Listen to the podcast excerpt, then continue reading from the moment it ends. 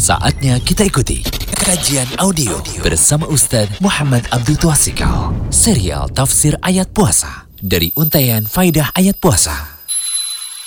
Alhamdulillah, wassalatu wassalamu ala rasulillah wa ala alihi wa sahbihi wasallam. Baik, kita masuk pada audio ke-8 dari pembahasan tafsir ayat puasa. Kita masih pada ayat yang sama, yaitu firman Allah Subhanahu wa taala dalam surat Al-Baqarah ayat 185. Syahrul Ramadan alladhi unzila fihi al-Qur'an hudan lin-nas hudan lin-nas wa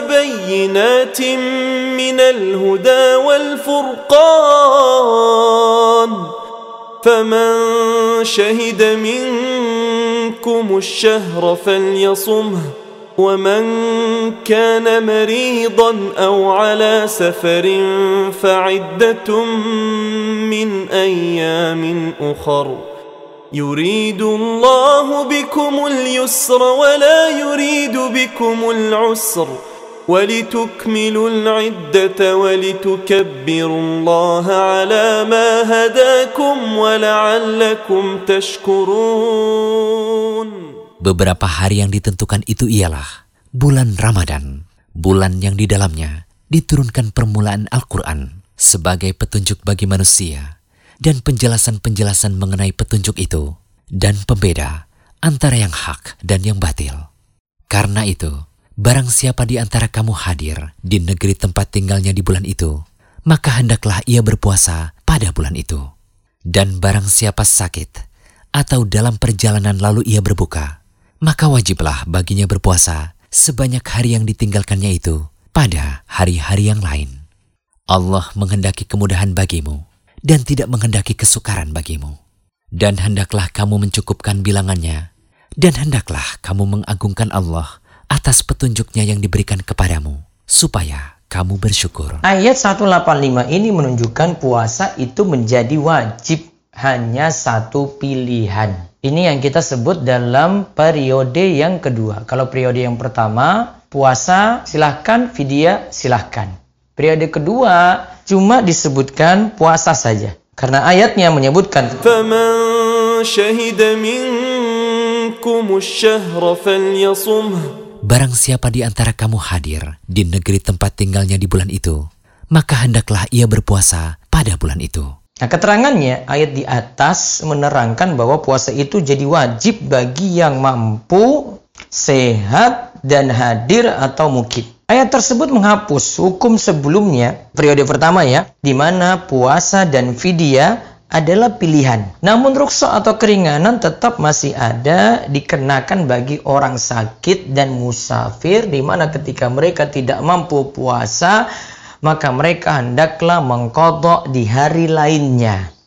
Jadi memang pilihannya cuma satu, tapi tetap ada keringanan. Orang yang sakit ya dan musafir ketika mereka tidak puasa maka mereka hendaklah mengkodok di hari lainnya. Ibnu Kasir katakan berdasarkan ayat 185 ini puasa Ramadan menjadi wajib bagi orang yang mukim di negerinya ketika masuk bulan Ramadan. Juga bagi orang yang badannya sehat. Ayat ini menghapus hukum dalam ayat sebelumnya ayat 184 yang menyatakan bahwa orang yang sehat dan mukim maka ia bisa memilih antara menaikkan fidyah berupa makan kepada orang miskin bagi setiap hari tidak berpuasa. Nah, penjelasan selanjutnya itu rincian tentang bagi yang sakit dan bersafar. Intinya kalau bagi yang sakit sebagaimana dalam ayat 185 ومن كان مريضا أو على سفر فعدة من أيام أخر Dan barang siapa sakit atau dalam perjalanan lalu ia berbuka, maka wajiblah baginya berpuasa sebanyak hari yang ditinggalkannya itu pada hari-hari yang lain. Ayat 185 ini diulang lagi penyebutan orang sakit dan musafir untuk menunjukkan. Ingat ya, 184 sudah ada. Tapi 184 itu dengan kalimat faman kana maridun aw ala safarin fa iddatum min ayamin ukhar. Di situ pakai fa. Faman kana minkum maridun, pakai minkum lagi. Faman kana minkum maridon. Siapa yang sakit di antara kalian, au ala safarin atau dia dalam keadaan bersafar, faidatu min ayamin ukhar. Sedangkan ayat 185, wa man kana maridon au ala safarin faidatu min ayamin ukhar. Dan barang siapa yang sakit dalam perjalanan lalu ia berbuka, maka hendaklah ia mengganti puasanya pada hari-hari yang lain.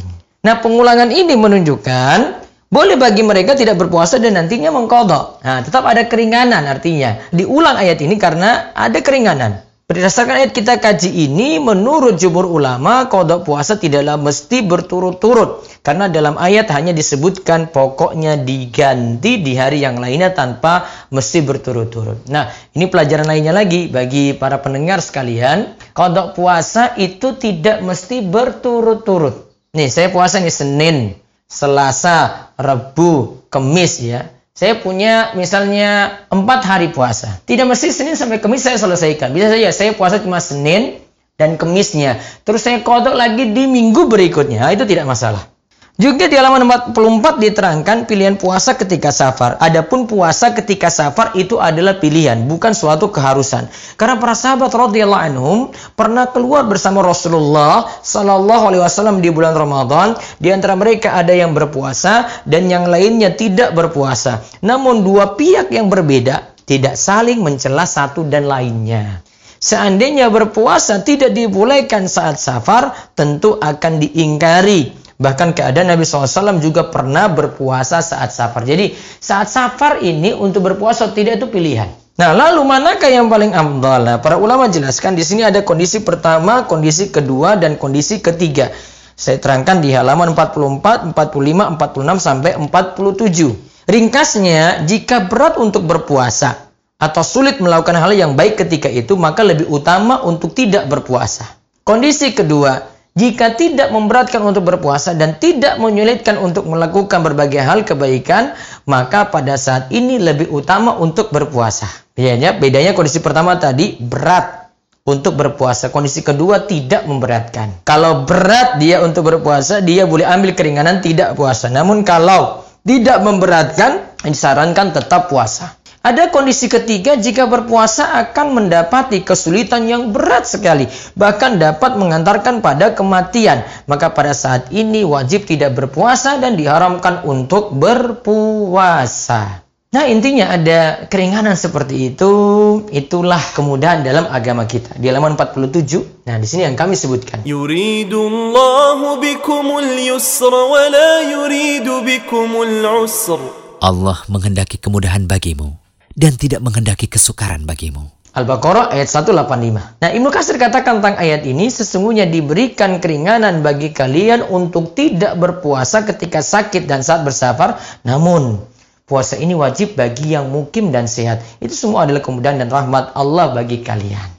Dalam kitab yang sama Ibnu Katsir juga katakan, sesungguhnya diberikan keringanan bagi kalian untuk tidak berpuasa saat sakit dan safar, juga ketika mendapati uzur semisal itu, karena Allah menginginkan bagi kalian kemudahan.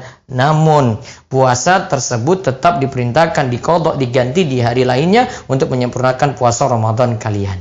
Lalu Syekh Abdurrahman bin Nasir As-Sa'di rahimahullah berkata, ini sebagai kalimat penutup Allah memberikan kemudahan supaya kalian menggapai ridho Allah. Kemudahan yang diberikan begitu besar.